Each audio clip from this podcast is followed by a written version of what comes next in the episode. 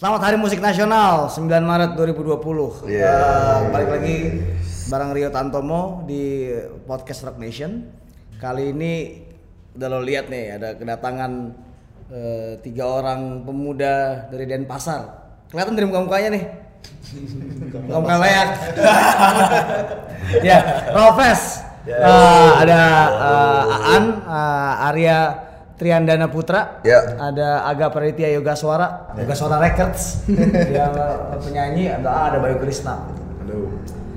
Hari Musik Nasional, Eh, penting nggak sih kita merayakan Hari Musik Nasional sebenarnya? Atau sebenarnya itu cuman simbol-simbol aja gitu? Ya, lebih baik di apa? Nggak dimerayakan. lebih baik duit bikin posternya bikin apa segala macam itu dialokasikan ke ininya lah ke pelaku pelakunya Ya maksudnya Memperingati mungkin buat beberapa golongan kan, biar apa sih ini sebenarnya yang udah dilakuin sama musik Indonesia atau yang sebelum-sebelumnya udah terjadi sampai bisa mengakibatkan dan memberikan dampak terhadap perputaran yang terjadi sekarang gitu. Karena kan bisa dibilang juga untuk beberapa titik itu udah yang musik Indonesia udah ngegas lah gitu kan. Udah udah bagus banget gitu. Cuman di beberapa titiknya masih ada yang ya belum pas aja sih kayak. Ya kalau kalau masih ada eh, mau dibikin rancangan undang-undang permusikan yang kemarin ramai tuh mendingan nggak usah ada lah hari musik nasional ya. Iya, ngapain? Iya? Eh buat apa gitu? Buat apa, ya Buat kan? apa kan gitu? Sama aja kayak eh, tadi Hari Pahlawan Nasional, tapi para veteran kita eh, kesusahan tuh. Benar. Yang kakinya buntung, mempertahankan negara, apalah. Tapi ya simbol-simbol aja gitu kan. Iya. Tapi- Tapi kita nggak mau ngebahas itu. Yes. Udahlah, biarin aja lah. Itu buat orang-orang yang eh, merasa itu penting aja ya. Tapi sebenarnya kan aku sendiri juga baru tahu hari ini gitu. Oh, iya? Iya. Biasalah lihat di Instagram. Oh, Oh, ternyata ada ternyata ini. gitu. Oh ya udah. Oh, iya. Ya udah. Ya penting nggak penting relatif. Iya. Ya. Oke, Eh, kita balik ke Rawfest nih. Em, kalian udah seminggu nih di Jakarta. Ini hari terakhir ya. Yes. Yes. Eh, kemarin manggung udah di eh, Bogor, Tangerang, Jakarta dua kali. Ya. Ngapain sih sebenarnya di Jakarta tuh? Ada promo ya, Pak Jeromon. ya Ya nyambi lah, nyambi promo tapi sebenarnya kita kan kayak eh, anggapannya masih cucu dulu nih, halo baru bangun nih gitu, apa Baru kabar? bangun nih dari kemarin. kayak gitu. Udah empat tahun ngilang nih. Iya, kalau dibuat bilang tur sendiri kayaknya sih masih belum. Belum, Kan. belum. Kan belum konsep juga masih ya masih cari Apa nih tes pasar kali ya? ya. cek ombak, Cek tes ombak, pasar ya. gitu. Tes pasar. Tes pasar. Kalau mungkin ketika kalian mendengarkan eh, podcast ini udah pada dengerin si singlenya ya Pak Jeromon tuh ya. Itu kan kalau misalnya kita dengerin nggak usah secara detail tapi langsung terasa banget itu ada perbedaannya dengan eh, album 2016 yaitu si eh, Lens Oil Dream is Spry ya. Ya. Eh, apa yang membuat kalian bisa berubah gitu sih? Maksudnya bosan ya mainin eh, pure rock and roll sama stoner atau psychedelic 70s akhirnya lo kalian eh, mencoba untuk keluar zona nyaman gitu. Ya kayak gitu sih kurang lebih motivasinya karena bosan itu Fase juga ya. Ah, kayak mentok itu rasanya habis ini mau ke mana lagi ya mainin yang itu terus sama yang apa ya Ya bosan sih pada pada Bosan ya? Bosan pada sih. awalnya dan karena juga pada saat itu 2015 eh 14 15 kita juga sebenarnya udah mulai eh, udah start mensegmentasi perform eh, perform kita, presentasi kita.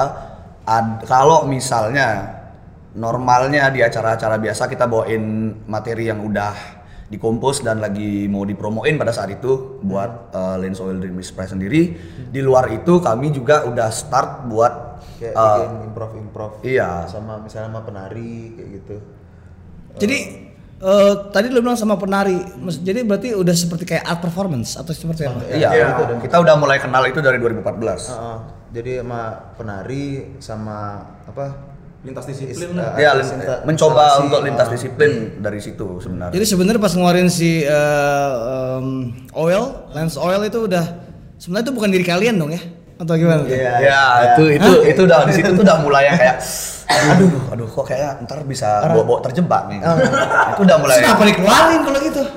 Karena udah ter- terlanjur. udah jalan Sayang gitu ya? sayang gitu. Oke. Itu sempat waktu pas mau ngeluarin album itu tuh kayak keluarin nggak ya gitu. Keluarin nggak ya nih ya gitu. Orang nggak kayak gini juga kita insecure ya. Iya. Ini baru namanya rock and roll insecure. Yes. itu dia Tagline, hati tagline. ya. Isi Itu bisa dibikin hashtag rock and roll gitu. insecure. bisa bisa. Apa apa gak lanjutin gak? Sorry gak? Eh, isi isi apa isi albumnya juga kayak gitu insecure Ya kalau misalnya yang belum tahu, jadi um, Lance Oil Dream is Bright itu sebuah anagram ya. Ya. Dari um, I misread uh, personally. Lu salah membaca diri lo sendiri atau gimana nih? salah membaca semua apa ya Diri dari diri Nggak, sendiri sampai Iya, kayak dari diri sendiri sih kayaknya. dan mempertanyakan perspektif terhadap lingkungan tuh kayak bener gak sih cara pandangnya kayak gini? Oh, nih? Kita yang salah atau di luar yang salah gitu? Ya Atau ada yang salah juga atau yang gimana Iya, atau kita aja yang terlalu Gimana? nggak jelas nih pikirannya ke mana-mana gitu. Itu sih dulu kayak bener-bener itu fase yang Apa sih sebenarnya yang dira- dirasakan uh, keresahan dari Rolfest ketika uh, merilis atau itu kan eh, periodenya berarti berapa? 2014 2016 ya? Iya. Ya periode itu apa sih sebenarnya yang yang membuat kalian sampai salah membaca diri sendiri gitu? Miss Rat. ya, dari lingkungan ya, dari lingkungan, terus dari ya namanya juga fase pencarian jati diri. gitu kan. itu umur berapa ya? Itu umur berapa ya?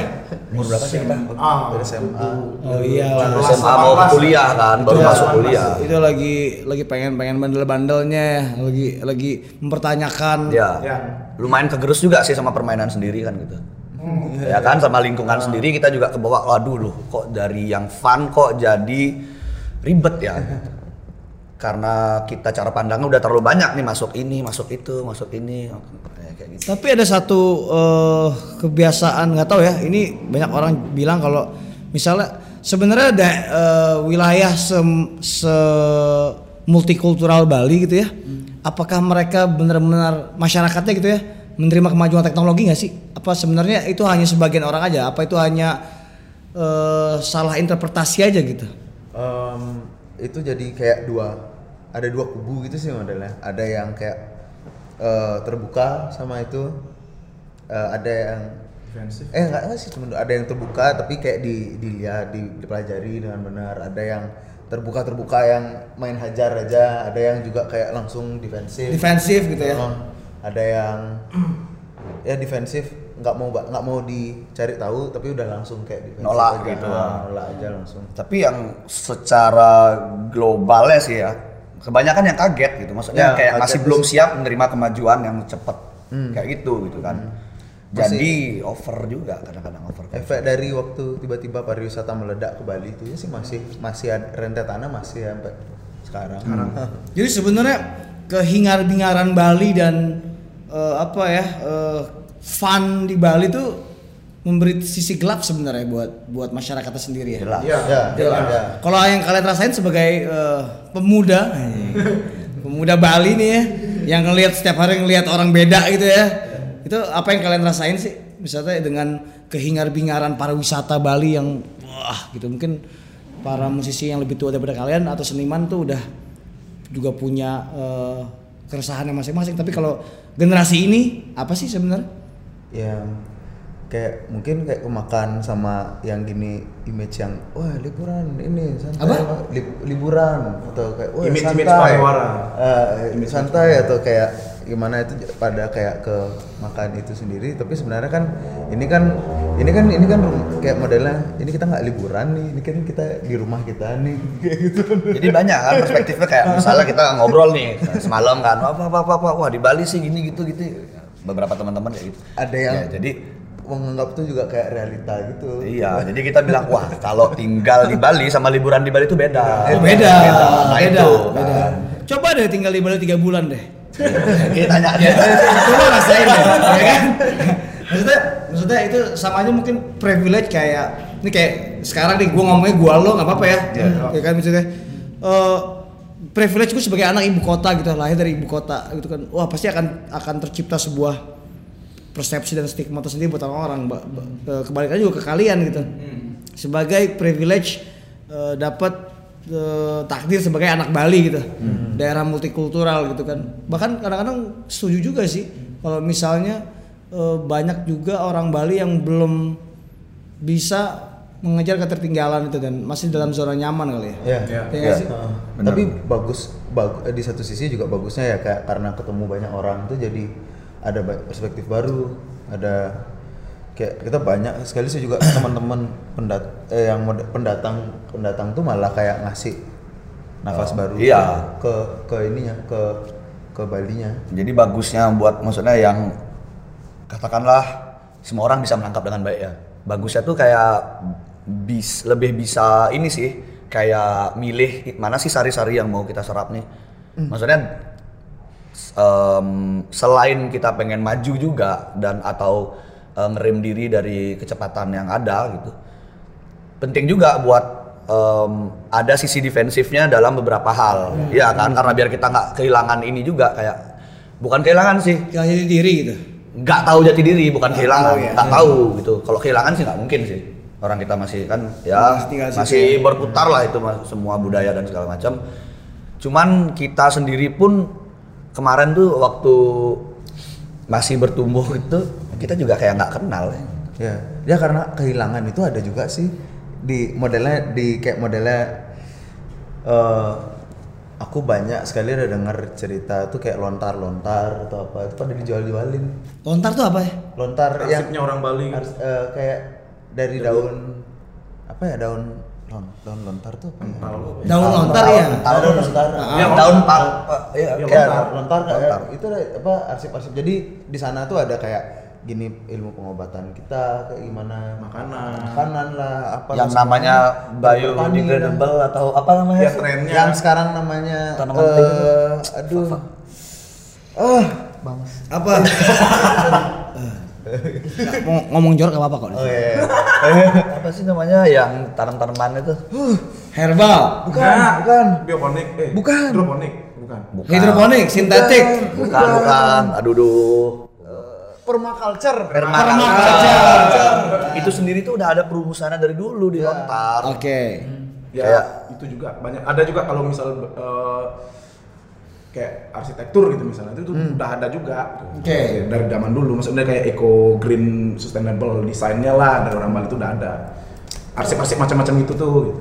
isu yang lagi atau a- ada yang jadi dulu tuh kan yang pas zaman penjajahan tuh ada eh, ada yang diambil di bawah- ba- banyak tuh di Belanda lah di mana lah di, di Eropa Eropa sana. Terus ada yang ada yang disimpan simpenin dan sekarang tuh banyak banyak fenomena untuk ngejual itu. Jadi menjual kekayaan eh, intelektual ya. sendiri gitu ya? Dan lucunya juga kalau misalnya ada beberapa orang yang benar-benar into sama itu dan ber- berpatokan sama itu eh, di Bali sendiri itu kadang-kadang jadiin jokes awas terlalu gila loh baca begituan itu terlalu serius loh. Kayak gitu kalau bahasa Jakartanya kan Iya, iya, iya, iya. Dan orang tuh jadi takut gitu kayak misalnya takut untuk baca lagi. Oh ntar jadi gila nih. aduh terlalu ini nih terlalu ngetwist nih sama sama kehidupan yang sekarang nih. Gitu. Oh, banyak yang kayak gitu. Sebenarnya bisa nggak sih digabungkan misalnya apakah efektif ya menggabungkan antara eh, sisi budaya yang mungkin lebih apa ya mystical kali ya? Bisa disebut gitu nggak Hmm, nggak- atau nggak- lebih nggak. lebih permaculture tadi itu ya Nggak lebih, semuanya lebih alam semesta Iya, lebih iya, semesta iya, iya, sorry lebih semesta. lebih semesta dengan sisi teknologi ada nggak sih jalan tengahnya itu ya ada Ada. ada ya Karena kan sekarang yang kayak tadi dibahas kan banyak banget ada perspektif dari teman-teman yang baru atau kita juga bergaul ke mana ke sini ke situ. Ya pentingnya di saat sekarang ini seharusnya bisa menggabungkan itu. ya, Ya, paling dicoba dielaborasi. dulu lah Ya, ya, ya. nanti kan kalau misalnya anda gimana ya ada Ya. adalah kesempatan kesempatan Berarti kan itu itu isu isu yang yang lagi berkembang di Bali sekarang gitu ya. Nah kalau misalnya eh, tentang kita masuk ke eh, musik ya. Yes. Musik. Jadi si Raw Fest nih baru eh, menyelesaikan rekaman ya bisa dibilang ya. Untuk album kedua penuh kedua. Ya. Ya kan eh, musiknya kalau kalian dengar seperti Pak Jeromon itu ya itu eh, apa gue nyebutnya lebih eksperimental apa lebih kontemporer atau em, lebih Musik baru bangun kami lah dari kemarin. Enggak, enggak sebenarnya Nggak tahu. enggak enggak mau yang kayak kontemporer atau apa itu. Eksperimen enggak juga sih. Enggak juga. Kita enggak se-eksperimental itu. Ya itu apa enggak mau mengklarifik apa meng, apa klari- eh, maksudnya klarifikasi. apakah apakah bisa enggak mengkotak-kotakan diri gitu loh. Oke. Nggak pertanyaan gue mungkin nggak sih kalau dulu kan bisa disebut kayak misalnya lo 70s rock atau lo misalnya eh, heavy rock gitu kan ya. Tapi kalau sekarang kayaknya udah nggak bisa lagi ya. Nggak bisa. Si Raw Fest itu di, di digolongkan ke genre-genre tertentu gitu ya. Makanya tadi gue nyebutnya kan mungkin nggak kontemporer atau misalnya bisa jadi raw world music bisa aja gitu. Enggak, atau enggak- misalnya enggak mau aku dibilang world music. nggak mau ya nggak nggak- nggak nyampe situ itunya kan Nggak, nah, nggak. itu dia berarti udah nggak bisa lagi kita klasifikasikan eh, dengan gan- genre ya berarti ya? Iya, Iya. kita bingung juga sih. Iya. Gimana apa ya? Se- yang yang enaknya aja. Ya. oke Silakan ditangkap aja Oke. mau nyebutnya gimana nggak apa-apa. Dari kita juga nggak yang selain tadi motivasinya karena bosan ya, kebosanan dengan musik eh, konvensional ada lagi nggak motivasi membuat kalian akhirnya eh, merubah setir hmm, Eh, em, kayak karena bingung nih mau nulis apa atau mau bikin apa gitu tuh kan eh, jadinya kayak kemarin tuh mikir ya kenapa nggak apa yang ada di sekitar aja dulu? Gitu. Jadi kayak maksudnya eh, kayak apa misalnya kita main musik tradisi atau kayak gimana itu tuh kan selama ini kan kayak dipisahin gitu. Oh ini yang tradisinya yang sini. Ini kontemporer yang, ini. ah, yang yang yang modern modernnya di sini. Terus yaudah yang yang apa aja yang ada di sekitar lah kayak eh, kayak jadi spons aja. ya ah, jadi ah, ah. Mm-mm, menyerap gitu Ya, ya, itu aja sih gampangnya kayak gitulah karena kita juga susah kan menjelaskan itu dengan baik ya kan. hal-hal yang harus dijelaskan dengan baik itu sebetulnya psychedelic. Psychedelic nih. Psychedelic nih. Ayo. Sebenarnya psychedelic sendiri apa sih kan? iya psychedelic apa gitu kan dia kan? Apa coba psychedelic? Kalau yang setangkepku ya gitu, kayak yang emang nggak nggak ini aja sih nggak ada ya kayak kamu bilang tadi ya nggak bisa dijelasin jadi bilang psychedelic. psychedelic jadi kesannya eclectic. Ya padahal mah nggak ngerti apa apa gitu nggak tahu. Nggak bisa diverbalkan gitu ya. Iya. oke. Tapi eklektik lumayan cukup ini sih. Bisa ya? mewakilkan karena kan banyak unsur eh sorry. Yes. banyak unsur yang di itu udah layaknya tuh ya situ ya? Sorry ya. Dijadiin satu terus keluarnya begini gitu terserah mau bilang apa gitu kayak ngambil blender terus apa eh masukin ini ya eh, Masukin wortel, ini ya. apel apalah. eh, oke ini ya. kalau di- kalau kalau gue tanya unsur apa aja nih blender ke situ yang kayak influence kita kemarin kayak 70s rock Ya. eh, apa heavy heavy rock itu masih lah Tetap masuk, sebenarnya masih masuk. masuk. terus em, musik musik tradisi masuk. Musik tradisi ya maksudnya musik tradisi nggak sih? banyak mantra ya? Ada nggak mantra-mantra? Mantra nggak nggak ada ya? Sebenarnya nggak Enggak apa sih. mantra nggak. Lebih ke kayak yang nyanyi menyanyi nyanyian eh, anak-anak kecil iya yang pola itu apa kayak chanting? Nggak juga chanting? Kan enggak enggak itu rhyme anak-anak kecil di Bali Ah. karena setelah gua Lagu dengar kecil ya? eh, lagu materi baru kalian gitu ya yang langsung kepikir di gua adalah entah kenapa ini kok kayak kayak bentuk rock dari musik ke- eh, dari tari kecak. Entah kenapa ya mungkin eh, ritmisnya dan segala macem. Nggak lagi eh, bergulir secara eh, bagian lagu yang normal gitu. Mungkin lebih ganjil dan segala macem. Ya nggak? Sebenarnya nggak kita nggak ada maksud kayak gitu sih. Iya. oke nggak ada maksud kayak gitu. Nggak ada maksud kecak atau apa gitu. Iya. jadi kayak yang karena kita juga nggak melakukan itu kan dulu. Ya, ya, karena kecak kita nggak ngelakuin. Ya sebenarnya kita di sini juga anak-anak yang agak kesulitan bergaul di Banjar. Ya. Gitu loh. Oke. agak Banjar itu kayak eh, R- RT RT itu. Balai, balai desa balai desa. Pos kamling kalau di sini kali ya terus nongkrong di situ Ya, anak-anak itu kali ya. ya ya ya. Cuman di sini lebih besar. lah, ya, ya. lebih besar skalanya karena mencakup maksudnya ada ada ada masalah apa dengan kalau kalian nggak bisa bergaul di, eh, Di Banjar. kasarnya lingkungan situ deh di Banjar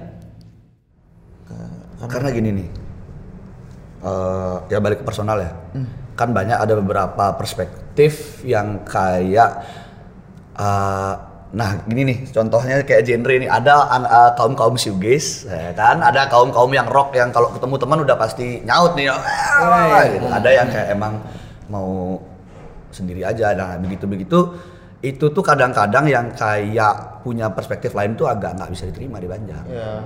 Oh. Biasa jadi kayak gitu. Padahal Banjar sendiri sebenarnya buat Sosialisasi. sosialisasi yang memang bener-bener apa pun masuk gitu belajar bareng-bareng.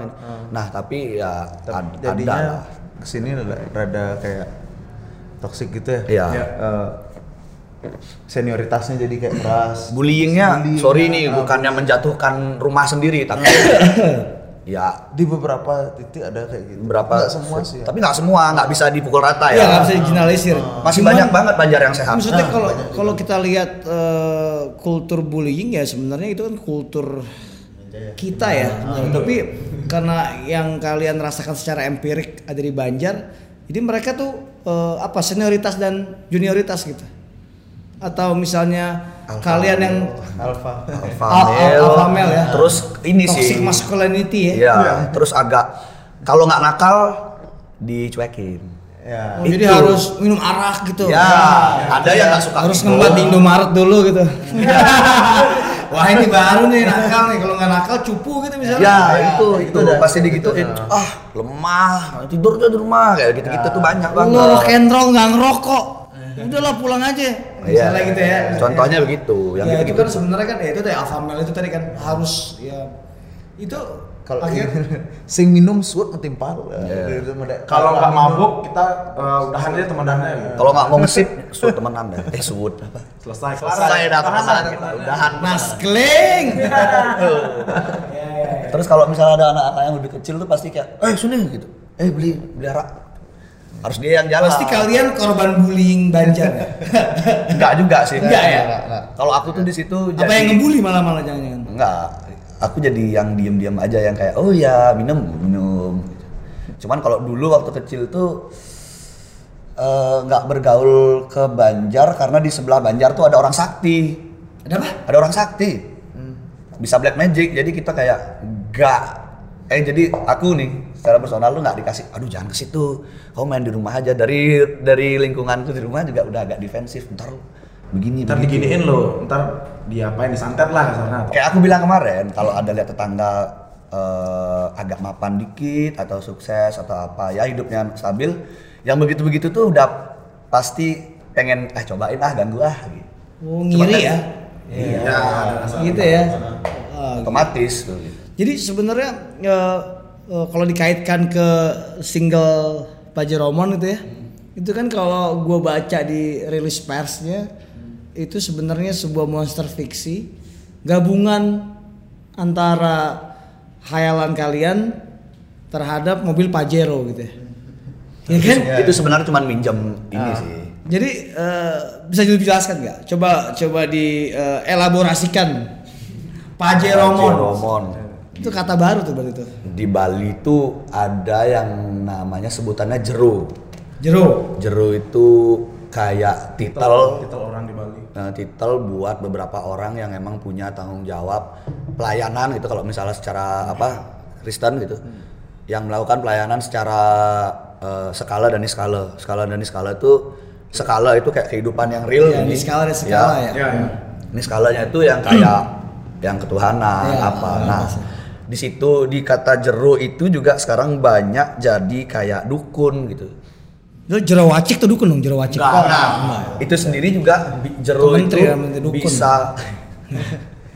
kadang juga jadi panggilan untuk kayak yang misalnya eh, misalnya ditinggikan jero Oh, itu bisa begitu. bisa Hormat. Ya, gitu. Ah. oke. nah Atau buat yang berkasta itu bisa Nah, juga. itu juga. Kayak- Kayak jero wacik itu kan emang punya ini dia Oke, jero terus? apa gitu. Nah, dan, dan, dan kalau Pajero itu sebenarnya ngambil dari kayak kalau misalnya di Bali itu kayak ada gininya nih, ada kayak Standar. standar standar, standar apa sih?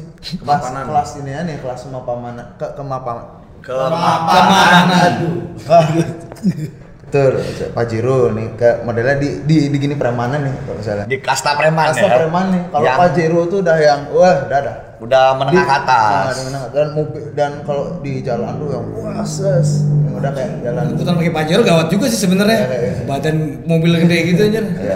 Soal Pajero berapa tahun lalu Fortuner seberapa tahun ini kayak dan ada gini sampai kayak ke TAF ya ya TAF itu TAF tuh dimodify itu biar TAF kayak 4 kali 4 itu Nah, pasti dimodif jadi ban, ban depannya biar lebih nah, gini. Iya. Nah, itu Kayak dah. gini lah. Oh, dagu Jumawa lah lebih Ya. ya. Kayak mobilnya udah begitu. Bayangkan kan karakternya. itu berarti ya, maksudnya ada juga banyak kisah di Bali yang banyak juga sebenarnya masih kental dengan eh, premanisme ya. Jangan-jangan yang kayak gitu-gitu sebenarnya eh, mewujudkan itu nggak melambangkan itu nggak sih? Atau itu hanya tadi itu alpha male dan toxic eh, maskulinitas gitu? Ya. Maksudnya itu bisa disamakan dengan eh, premanisme nggak sih? Maksudnya Pak Jeromon ini satir gak sih sebenarnya ini kan? Iya. Ya. Ya kan? Ya. Ke situ juga nggak arahnya? Atau beda? Em, bisa masuk sih juga Bisa, ya? Masuk. bisa sih. Bisa banget gitu. Cuman yang kalau mau ngomongin Pak Jeromon sendiri itu yang udah kelas yang udah diatur gitu, udah ada strateginya dia. Kayak yang Oke. emang udah di stick yang lebih mapan daripada eh, toxic masculinity yang dapat di Banjar. Dan yang menarik adalah liriknya ya. Maksudnya kalian pakai bahasa Indonesia ternyata Ya. dan eh, seperti agak absurd karena ini fiksi ya. Nah, cuma siapa siapa yang bikin liriknya? Agak atau Aan? Bareng sih kita nulis. Bareng. Eh tapi sebelumnya kalian berlima ya? Ya. Iya. Sebelumnya kan? Iya. Kita tinggal bertiga nih. Nah, eh, dua personel kami keluar karena satu si Gungwa dia ada penyakit. Dia ada kalau misalnya Kenapa dia dia? dia gampang sakit orangnya. Jadi misalnya kalau kita manggung-manggung di tempat yang banyak asap rokoknya ya itu bisa dia kayak langsung muntah-muntah ada. Ada eh, sen- sensitif lah Ya, paru-parunya. uh, kayak kemarin terakhir kita main di Sondrenalin tahun 2018 tuh dia pulang tuh udah kayak mau pingsan. Langsung ke rumah sakit. Langsung ke rumah sakit. Akhirnya dia di opname 2 3 hari gitu. Kayak gitu sih dia jadi kayak karena dia merasa aduh aku kok ngeribetin kalian deh gitu. aku cabut aja lah gitu ya dia aku nggak mau menghambat gitu jadi kayak aja sekarang gitar ya. Tapi kita kalau manggung kita manggung berlima juga sini Berlima juga ya. Eh kayak kemarin juga main, main berlima pakai Iya. dua additional ya. Iya. Si drummer, si Kribo, Kribo. si Kribo dia ini Aceh. di Aceh. Dia Main tuh di Aceh tuh. Kerja apa tuh? Kerja. Dia dapat kerjaan di BUMN. Oh. dia sendiri kan juga orang teknik sipil Ah, jadi dia buka jalan di Aceh Ya. Oh. buat jalan ya emang benar-benar jalan ya Tapi bukan ada jalan. ada satu ada satu kabar entah burung atau benar ya tentang Ayrton ya si drummer Kribo tadi. Bener gak sih dia tuh sering makan monyet? Maksudnya itu adalah kabar yang beredar di eh, secara kuping ke kuping eh, di Jakarta ya. Dari anak-anak kayak, wah drummer Rolfa sering makan monyet tuh. Wow. Makanya mainnya jago. Enggak, maksudnya eh, bener gak sih?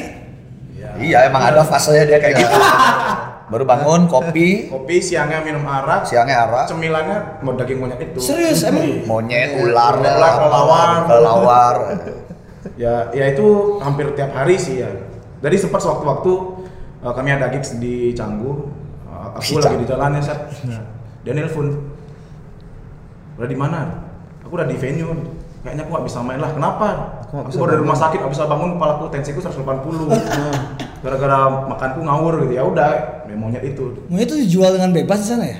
Enggak, Enggak, nah, Oh, dia cuma itu ngambil. Kalau monyetnya Buat- itu jadi dia dapat ya? kiriman gitu dari temennya gitu di Manado katanya. Ah. Oh iya iya iya. Jadi aku pernah ditipu juga sama dia. Lagi gitu uang bentar ya aku ambil paket dikirimin dari Manado. Ya, ya emang sering dia makan begitu Apa rasanya? Nggak- nggak paham juga Iya. Apa yang mungkin waktu itu karena eh, kalau dari lebih pengasih bumbunya jadi Iya. sebetulnya Kalau apa sih namanya tajam gitu loh. Pak, ini ya kali ya. eh, lebih kayak spicy ya. Iya. Rempah-rempah ya. Iya, Panas, iya, India panas, gitu ya. panas, panas rasanya. Resep. Gue pernah makan babon Hah? di Oh ya? Kamboja. Oh. Ya rasanya kayak gitu juga. Oh. Dagingnya eh, kayak panas dan Iya. nggak enak lah sebenarnya sih. Lebih panas sih. lebih Iya, panas. lebih enak rusa sih sebenarnya. Iya. Oh, rusa enak. Iya. Atau eh, jerawan. Bahas makan jero, ibaratnya jerawan tapi ini. Iya. Jerawan kambing gitu enak. Oke, kalau tadi misalnya disambungin ke Ayrton tadi makan monyet berarti eksperimental tuh ya. itu berpengaruh gak sih maksudnya karena musik kalian kalau walaupun tadi kalian menolak dibilang eksperimental gitu ya tapi tidak bisa dipungkiri kalau misalnya ini sebuah bentuk baru dan arah baru dari uh, Rollfest kan Iya. Ya. ya kan Cuman ya kami agak nggak mau dilabelin gitu aja karena tujuannya dari awal juga nggak mau dikungkum dalam satu Kotak. perspektif. tapi itu selalu uh, keluar dari uh, kepala musisi selalu tidak pengen uh, terkotak oleh genre? Nah, sa- Ge- ge- genre itu hanya punya hanya milik para jurnalis dan toko kaset untuk untuk kasih tahu. Jualan. Jualan. Iya, iya, iya. Jadi maksudnya eh, apakah genre itu sebenarnya bisa membatasi kalian ya? Dalam artian bahkan ketika yang genre lebih luas aja kayak kontemporer aja atau bisa dibilang eksperimental aja kalian menolak. Padahal bisa dibilang kalian melakukan eksperimental apakah itu sebuah pembelaan diri atau mungkin itu memang membuat eksklusivitas ya ini dari kacamata pasti musisi kan kalau bukan sebagai penanya aja Penanya. Kalau eksperimental tuh nggak tahu di bayanganku tuh soalnya kayak kita harus siap menawarkan kayak modelnya tiap manggung tuh kayak bener-bener beda atau gimana. Karena karena terus bereksperimen ya. kita bereksperimen sih tapi kita masih kayak ada form lagu juga. Iya, gitu. ketukannya tuh masih yang satu, dua, tiga, empat atau itu. iya nggak Se-fluid benar itu. nggak sefluid itu. Jadi Jadi agak nggak mau aja dibilang maksudnya. Nggak, belum nggak sampai sih, belum sampai Kita belum sampai ke situ. Ah, gitu. ke eksperimental Dan itu. bahkan nggak tahu juga apakah ntar setelah ini mau ke situ atau bahkan ketukannya lebih yang kayak mungkin kayak Jen atau apa kan kita nggak tahu juga, iya kan? ngomong-ngomong Jan nggak bisa dipungkiri juga kalau mereka punya roots eh, metal nih ya. ya kan Iya. jadi eh, ada kalau tadi ngobrol-ngobrol eh, off air ada roots metal ada roots dance Yes, jelas. ada roots eh, 70s rock gitu kan ya ya itu eh, bisa dijelasin nggak dari mana awal kalian eh, rootsnya aja nggak usah sejarahnya maksudnya kayak soalnya ada di saat era yang bersamaan tuh 2014 2015 gitu kan. Bagaimana kalian eh, berdiskusi soal musik dan mm, menjelaskan diri sendiri lah? Eh, kalau yang dance elektronik itu tuh uh, kayak aku awalnya karena karena baru punya laptop kan terus jadi tertarik eh, ngulik-ngulik apa namanya Ableton Ableton ya? Eh, gitu gitu tuh. Terus jadinya udah eh, apa namanya? Udah jalan aja ngalir terus aku sering kayak main di dia sering diajakin main sama apa proyek soloku. Itu di di Chaos on Musika. Jadi di sana banyak anak- anak-anak eksperimental. Eh, terus jadi terinspirasi dari situ terus dari sebelum kalau dari kalau metalnya kita dulu SMP, SMP. metal. Nah SMP sendiri pun juga kita ya ini ngomonginnya sebenarnya penting gak penting kan gitu. Iya. ngomongin dulu kayak apa itu emang dari SMP kita juga udah mulai kenal yang namanya justice gitu.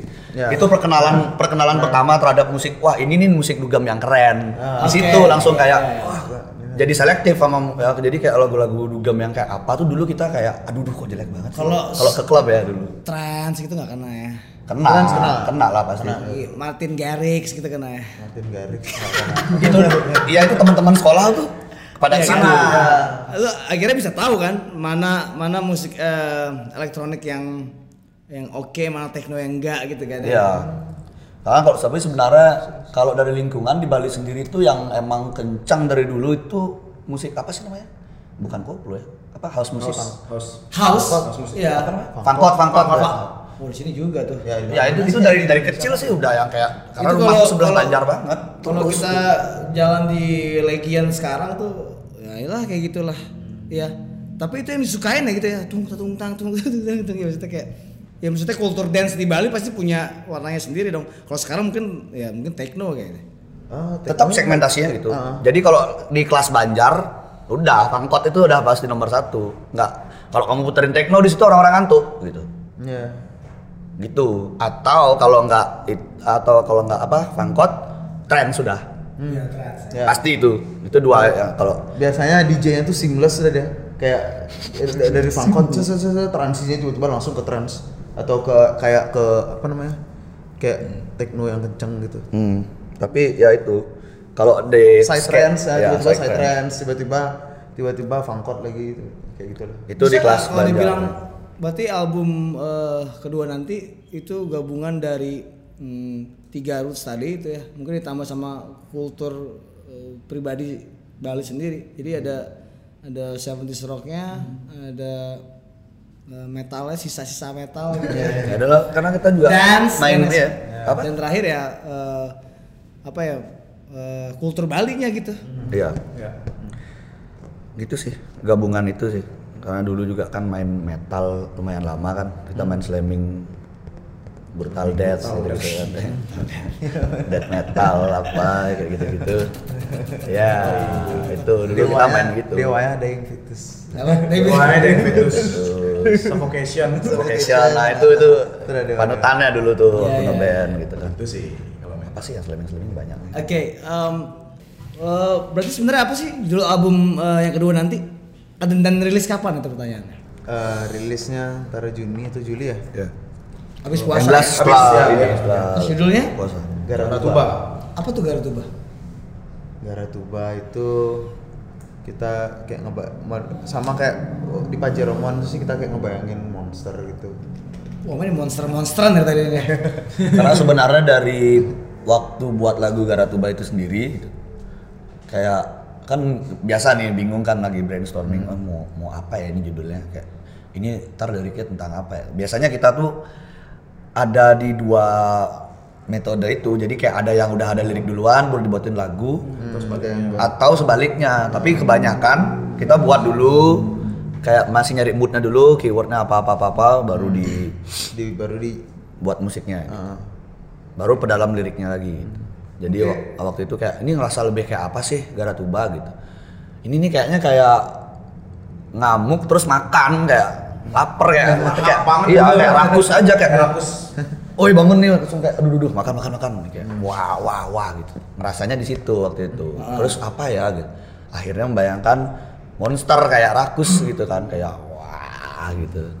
Kalau tadi eh, kayaknya banyak eh, menciptakan apa namanya ya creature-creature baru gitu ya kayak Pajeromon ada Garatuba gitu fiksi gitu.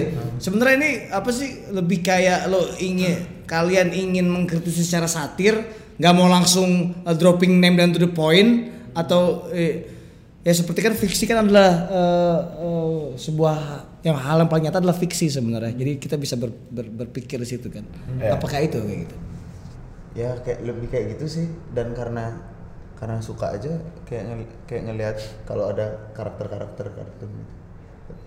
Tapi emang iya sih, ada ada ininya, ada ada tarikannya ke situ. gitu.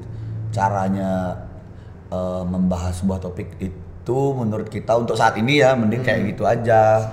Karena kita juga nggak bisa ngasih solusi kalau mau mencak-mencak. mau jadi preacher pun, emang mau buat apa? Kamu setiap hari kamu ngapain?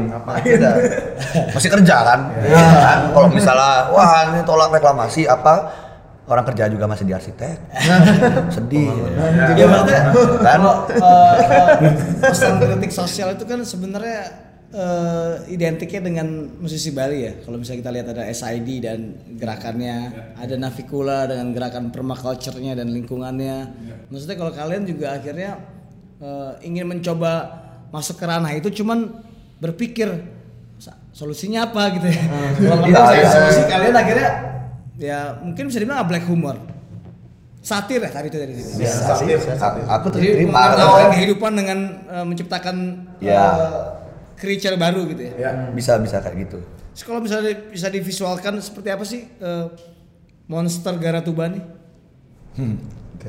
Gara itu kan segara berarti air ya. Iya. Tuba itu Air, laut. Air tuba dibalas air racun berarti racun. Susu dibalas air tuba. Ya itu yang benar. Susu dibalas air tuba. Ya. Tuba itu racun. gitu. Ya, jadi kayak apa kalian bisa mem- memvisualkan eh, si Garatuba nih? Atau emang udah ada? dari uh, kayak kayak gini kayak monster yang di yang apa namanya di Spirited Away itu kayak Yang Kayak yang gitu. yang dat- uh, kalau aku bayangannya kayak yang yang Ini beda-beda nih masih semua punya. ada yang di Spirited Away yang tiba-tiba datang masuk ke pemandian Yang hitam yang hitam tuh Oh, no face. bukan yang gede itu Oh, oke. yang bikin kotor satu ininya tuh lo yang itu dia kan dewa sungainya dia, Ya, dewa kayak sungainya gitu. dia kan Benar. yang ngamuk waktu itu. kayak gitu lah. aku bayangin Kalau aku sih kayak lebih dari air berlemak dan berbulu terus kayak bentuknya yang udah kayak blub blub blub blub blub blub gitu bayanginnya kayak gitu. Karena kan yang kayak udah wah makannya. Lagu yang kayak Star Wars siapa sih namanya yang Coba Cubaka. enggak yang pos yang jabah jabah Ya, dahat jabah dahat. jabah dahat kayak aku sih bayangin kayak gitu. Jadi sebenarnya eh, titik berat dari si tepat ya. Jabat dahat. Maksudnya bak bangsat juga iya. Jadi titik berat kalau kita ngomong bangsat berarti titik berat dari si eh, Garatuba ini adalah kerakusan dan kebangsatan eh, karakter gitu ya. Bukan juga ya? Bis- bisa cuman nggak sepenuhnya tentang itu Nah, aku juga nangkepnya pertama keluar judul Gara Tuba itu kayak aku nangkepnya gara-gara di Tuba gitu. Itu bisa juga kan gitu. itu kayak misalnya aduh di, dibahas nggak sih? Oh ya ya, ya aku biasanya kayak ngelempar-lempar tes. Ya, misalnya aku kasih dulu gara tuba itu kan di- gimana menurut kalian nih? Kayak gimana tangkapan kalian tentang gara tuba nih? Gitu nah jadi ya keluar kayak gitu, gitu. di situ udah mulai melebar melebar melebar kayak apa segala macam Katanya ada isu baru di kekeringan dari eh, Ya. Ya, kalau ya. Aan bilang tadi itu. Maksudnya apa? Ada, ada isu kekeringan apa di sini maksudnya? jadi kalau di Bali itu udah mulai itu kan Mm, Ya. jadi air mata air Mata tuh udah, udah mulai banyak kering. banyak banget hilang terus kayak 200-an gitulah ada sungai itu udah kering Terus danau danau Batu. batu 200 sungai yang kering. ya ya banyak 200-an lebih 260-an mungkin Wah, oke. jadi Tuh, danau danau, Danau Batur. danau batur udah udah nyusut juga airnya volume airnya udah nyusut udah kayak gitu gitu gitu sih ya udah Jadi itu isu isu lingkup banyak banget isu lingkungan di Bali berarti ya. Ya, Banyak. banyak karena terlalu itu dah kayak kamu bilang multi apa multi multicultural atau Multikultural. apalah cultural Dan diperkosa gitu ya. iya Dia diperkosa secara secara secara rakus. Iya. Ya kan? ya Kalau musiknya sendiri nih tadi Bayu ngasih musik ke, ke gua ya, ada sekitar 5 atau 6 lagu gitu ya. Itu durasinya panjang-panjang. Mungkin Pak Jeroman yang paling pendek ya 3 menit, tapi sebenarnya ada yang 8 menit, ada yang 7 menit ya, 5 6 menit gitu ya. Maksudnya oke lah kalau tadi kalian menolak kata eksperimental dan yang lain-lainnya, kalau gue sebut kata progresif, gimana ya Gak tahu ya karena bayanganku progresif tuh udah yang kayak band-band 70-an. kayak yes Genesis gitu gitu bayangannya Tapi kita nggak gitu juga. Enggak. Oke. Sekarang Udahlah itu. Kalau misalnya musikal, nah itu gue pengen lebih di, maksudnya biar biar biar kita bisa eh, menajamkan eh, karakter musiknya Iya. secara verbal ya, gitu kan. Emang memang musik nggak bisa di nggak bisa di tidak mudah untuk dijelaskan. Benar. Tapi kalau kalian sebagai penulisnya sendiri menjelaskan musik kalian sendiri seperti apa sih? Secara apa nih? Aransemen kayak gitu. Ya bentuknya Ya sebenarnya kita mayoritas lagu di sini sih masih berangkat dari rock ya. Itu pasti kan. Nah, terus itu sisanya sendiri kita yang kayak tadi yang kayak spons itu kita ngeresap banyak banyak dengar-dengar apa sih? Elektronik, jazz, ada jazz ya. ya ya emang mungkin sponsor rock SpongeBob, SpongeBob kali ya. sponge rock square Sponge fish. rock sponsor rock ya. Sponge rock square fish. soalnya nyerap nyerap aja nyerap ya udah Ya nyerap aja itu. nyerap ya. aja kita juga orang yang nyerap nyerap ya maksudnya juga yang diserap misalnya positif negatif maksudnya kita serap aja maksudnya kalau aku bicara seperti personal aku sendiri juga kayak gitu gitu Jadi Maksudnya- gabungin gitu sih. Ya kita butuh hal negatif, kita butuh hal positif juga. Ya. Jadi dua-duanya kita ambil jalan tengahnya gitu ya. Ya. Ya, kayak gitu sih. Ada judul eh, lagu eh, GTA, ya Grand Theft Auto, bukan? Atma. Atma. Grand Theft Atma. Atma, Atma kalau di Jakarta Atma Jaya tuh kampus nggak tahu. Atma Jaya berarti jiwa yang berjaya. Oh, Karena Atma At- sendiri itu jiwa. Atma tuh jiwa ya. Jiwa. Itu Grand Theft Atma tuh maksudnya apa Grand Theft Atma? Ini plesetan gini nih. Iya. Jadi eh, apa sih? ini kayak omongan kayak bercandaan bercandaan Guyon-guyon aja sebenarnya kami. Guyon tiap hari lah ini kayak ini. GTA kalau GTA di Bali itu kayak gimana ya kayak gitu. Eh, oh kayak gini oh, kayak kayak kita nggak naik mobil nih. Kita kita mungkin kayak lebih kayak nyolong-nyolong itu nyolong kayak leak nih kayaknya bisa nih jadi GTA juga gitu. Berubah jadi gini terus kayak nyolong-nyolong Jiwa. jiwa. Soalnya emang il- itu kan balik ke ilmunya sendiri kan. Ah. Ilmu leak itu bisa dijadiin pengobatan atau uh, ke- kegerus sama itu buat ngisengin orang yang berujung pembunuhan gitu. Santet gitu lah ya. Iya, jadi j- maksudnya yang dicuri itu adalah jiwanya si inangnya. Oke. Gitu. Jadi kayak dia udah udah nggak punya willing atas dirinya Iya, sendiri. iya, iya. Dia pun jadi ya udah ngikut sama ilmunya itu Iya. gitu. Kayak kalau di Harry Potter tuh Death Eater tuh. Oke, Ya, ya. kayak Ah. gitu dah. Kayak gitu dah. Di, di lagu itu ada suara seperti alat tiup tuh ya. Ah. Ya. Apa itu eh, saxophone atau itu versi paling murah dari saxophone karena aku nggak bisa beli beli di Beli online di online, online gitu. shopping. Jadi itu apa itu nama, nama alatnya apa? Saxophone bener. Little sax sama alat Little sax namanya. Itu- Little sax. ya little sax itu eh, apa namanya ada kayak ilmuwan dari Cina gitu eh, terus kayak dia udah nggak nggak jadi ilmuwan lagi dan kayak pengen fokus bermusik gitu jadi dia bikin jadi dia itu kayak nge ngebuat dah satu instrumen itu supaya kayak orang-orang biar bisa belajar saxophone nah awalnya bikin di lagu itu tuh maunya pakai suling kan? Pakai suling. Bikin bikin draftnya pakai suling. Terus habis itu sulingnya jatuh retak. Wah, ada itunya juga ya. Nah, sudah kayak nggak jadi nggak jadi dah pakai itu. Dan kayaknya lebih seru deh kalau misalnya nggak kayak pakai instrumen yang dari tradisi gitu aja gitu Oh. ya seru kayak di kalau misalnya ini instrumen tokped nih seru nih kayaknya kalau dipakai kayak gitu kayak gitu ya sih Oke, ada juga em, suara-suara kayak gamelan ya. ya Ada suara gong ya. ya Ya. Ya itu eh, kalian menghasilkannya eh, dengan dari- ada gongnya secara secara analog organik atau eh, lewat software Ableton tadi? Ya, the- nah itu prosesnya kita sampel sih. Jadi kayak Temennya Ah, nyempel. ini bukan Bukan kita yang nyempel. bukan kita yang Temen yang nyempel. Temen yang nyempel. Kita ngicrik Ah. aja. Ya, udah boleh, boleh pakai. Boleh nggak dipakai nih? Kayaknya dulu aku tahu gamelanmu di sampel sama satu orang deh gitu. Akhirnya dia bilang, oh iya boleh, tapi orangnya nih ketus dia bilang. Karena dia sendiri dulu pernah dimasalahin karena Dia sempat putus gara-gara gara-gara ya kan dimarahin itu. dimasalahin dulu di apa di forum online apa segala macam dia share teknologi ini Ah. ini nih aku udah nyempel gitu Nah, jadi terus dia sampel ini, sampel satu set gamelan itu satu-satu tuh tung, tung, gong juga ding satu-satu dah pokoknya kendang.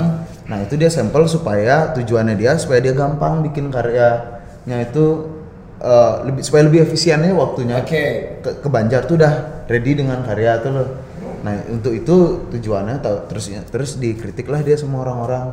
Jadinya kayak dia kayak jadi ketus gitu sama orang. dikritik kayak nanti wah ntar nggak ada yang ke Banjar kalau semua udah pada main laptop gitu. Tapi itu itu itu itu yang langsung ke, terpantik ke, di pikiranku tadi ya. Kalau kalau itu menjadi hal yang massal gitu ya, mungkin nanti semua orang udah nggak ada lagi tuh yang yang main gamelan dengan itu eh, dengan alatnya langsung gitu ya, dengan gamelan langsung. Semua tinggal pakai tung tung ya pakai software.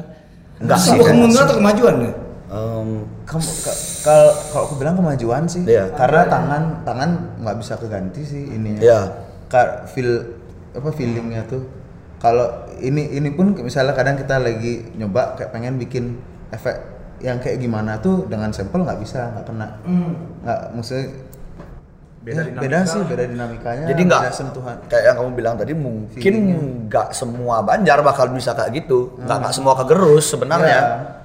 pasti ada yang ya udah kita main yang biasa aja. Ini mungkin nanti bisa aduh bisa nambahin elemen yang lain. Siapa tahu gitu di Banjar main beneran tapi masuknya ambient gitu. Iya, iya, Karena iya, iya. siapa tahu nih gamelannya di miking terus kayak dimasukin ke efek apa jadi suara kayak gimana kan? Seru ya? tuh cuman itu udah dibatasi. udah udah banyak udah sih banyak. kayak gitu. sekarang Iya. tuh anak-anak eh, anak-anak muda ya dari yang tua-tua sih sebenarnya. Ya udah udah beberapa ada nggak banyak tapi udah beberapa Ya, ada beberapa ada. beberapa nama komposer udah kayak gitu. Ya.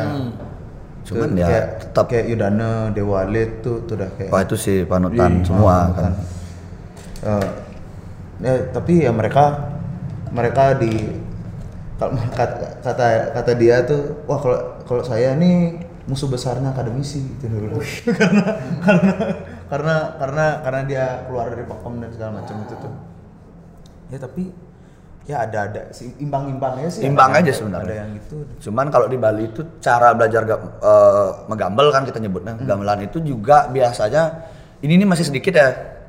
Em, masih kebanyakan orang-orang itu mesti nunggu satu pelatih. Bukannya yang kayak main musik semua orang bisa eh, Create sendiri. Iya, create sendiri, kompos sendiri nggak semuanya kayak gitu. gitu. Kadang-kadang aduh ngapain kita buat lagu yang aneh-aneh, mending yang udah ada aja nih, ntar panggil ini. Jadi saling tunggu. Untuk Banjar yang kayak gitu mungkin bagus di ini kan. Ada Banyak dong berarti yang bilang kalau eh, perubahan arah eh, musiknya Raw Fest yang sekarang tuh eh, ribet atau misalnya nggak diterima atau ada nggak respons-respons yang eh, menggugah kalian atau membuat kalian jadi lebih mengevaluasi diri atau misalnya kayak lebih udahlah gue gak peduli juga sama mereka gitu banyak yang, respons orang terhadap musik baru Raw Fest deh banyak yang bilang ribet sih. Wah, ini, ya. ini sih susah dengerinnya gitu. lumayan banyak yang bilang ribet ya Susah. Tapi menurutku orang ketukannya juga masih ya, se- ya. masih biasa aja, masih ketep, masih bisa ditebak juga kan. Jadi nggak yang seribet itulah. Orang lagunya juga masih biasa, cuman sebenarnya nggak ribet ya nggak ribet sebenarnya. lebih berusaha aja coba membuka diri gitu ya ya misalnya gitu ya misalnya gitu ya jangan itu itu aja dengerinnya coba gitu ya Mungkin itu tadi terpaut sama genre itu. Mungkin yang kayak gitu, Iya. yang respon begitu karena udah terpaut sama genre kan. Iya. Wah kalau rock nih nggak kayak gini gitu. Kalau eksperimental juga nggak kayak gini. Nah jadi atau apa pun gitu, ya jadinya keluarnya gitu kan responnya beragam. Ya. itu sih. Kalau dinamika respon orang. Apa?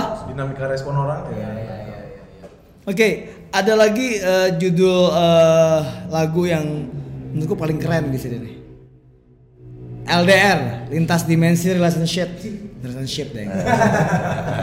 Oke itu kayak dari GTA sekarang LDR Paje Romon. Kayaknya semuanya plesetan atau eh, prokem slang ini semua nih ya ya ya, Ya, lumayan. karena ya itu udah base base nya nih kita cuman kayak nulis apa ya yang kita biasa jadiin lucu-lucuan sehari-hari gitu. sebenarnya lucuan kan bener kan Ah, Tapi ada yang enggak, yang enggak, serius enggak, juga. ya enggak li Ada yang enggak nyata, bukan serius, ada yang eh, nyata juga. ah, kayak cuman kita nyikapinnya dengan humor aja lah gitu maksudnya kayak dengan san di, disantein aja lah Jadi LDR nya apa nih?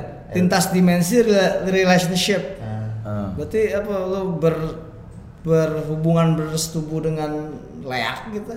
Bukan Lea, kalau Lea kan masih dalam ini orangnya, Satu, iya, oke. masih ada inangnya. Ini apa nih manusia. kalau ini? Jin lah, ah. entities gitu yang kalau di Roh Bali itu gitu biasanya ya? roh. Roh. Biasanya kalau di Bali yang banyak gitu tuh di sungai, begitu tuh udah tempat ngumpulnya para begitu. Ya. Jadi ngambil cerita ini sih kita mulai dari kayak apa adiknya eh sorry. kakaknya nenekku. Itu tuh dulu dalam berapa periode waktu tuh dia kayak suka ngilang gitu dan aneh.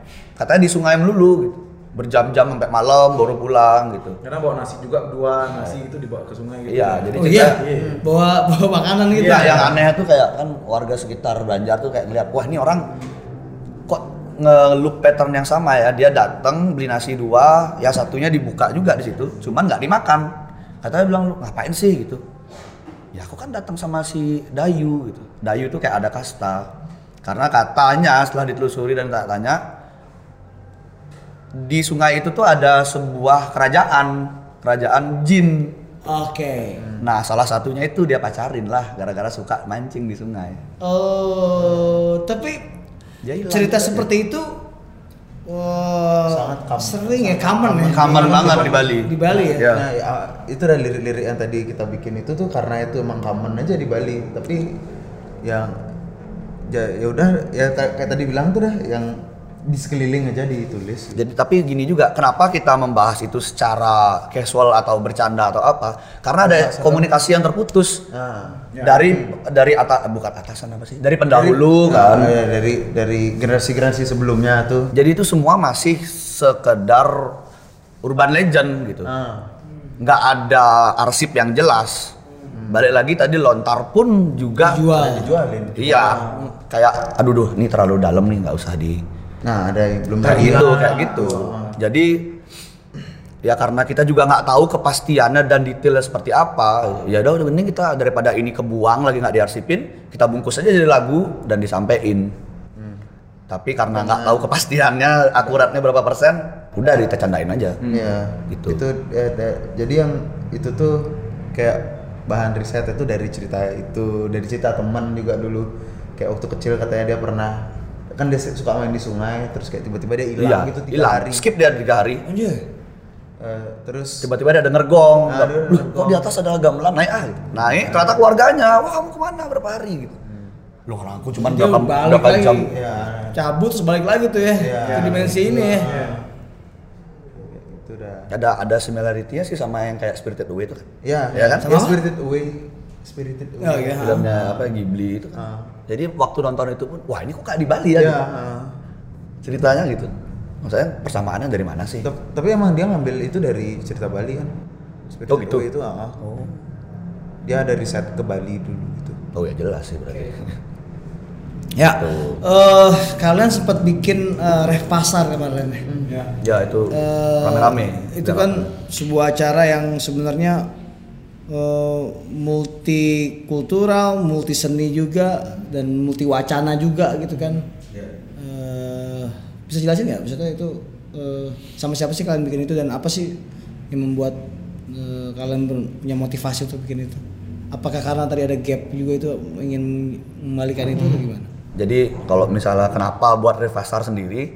Karena satu pertamanya itu kita pengen buat acara yang kecil yang terlepas dari semua belenggu ketentuan dan standarisasi pariwisata yang bagus.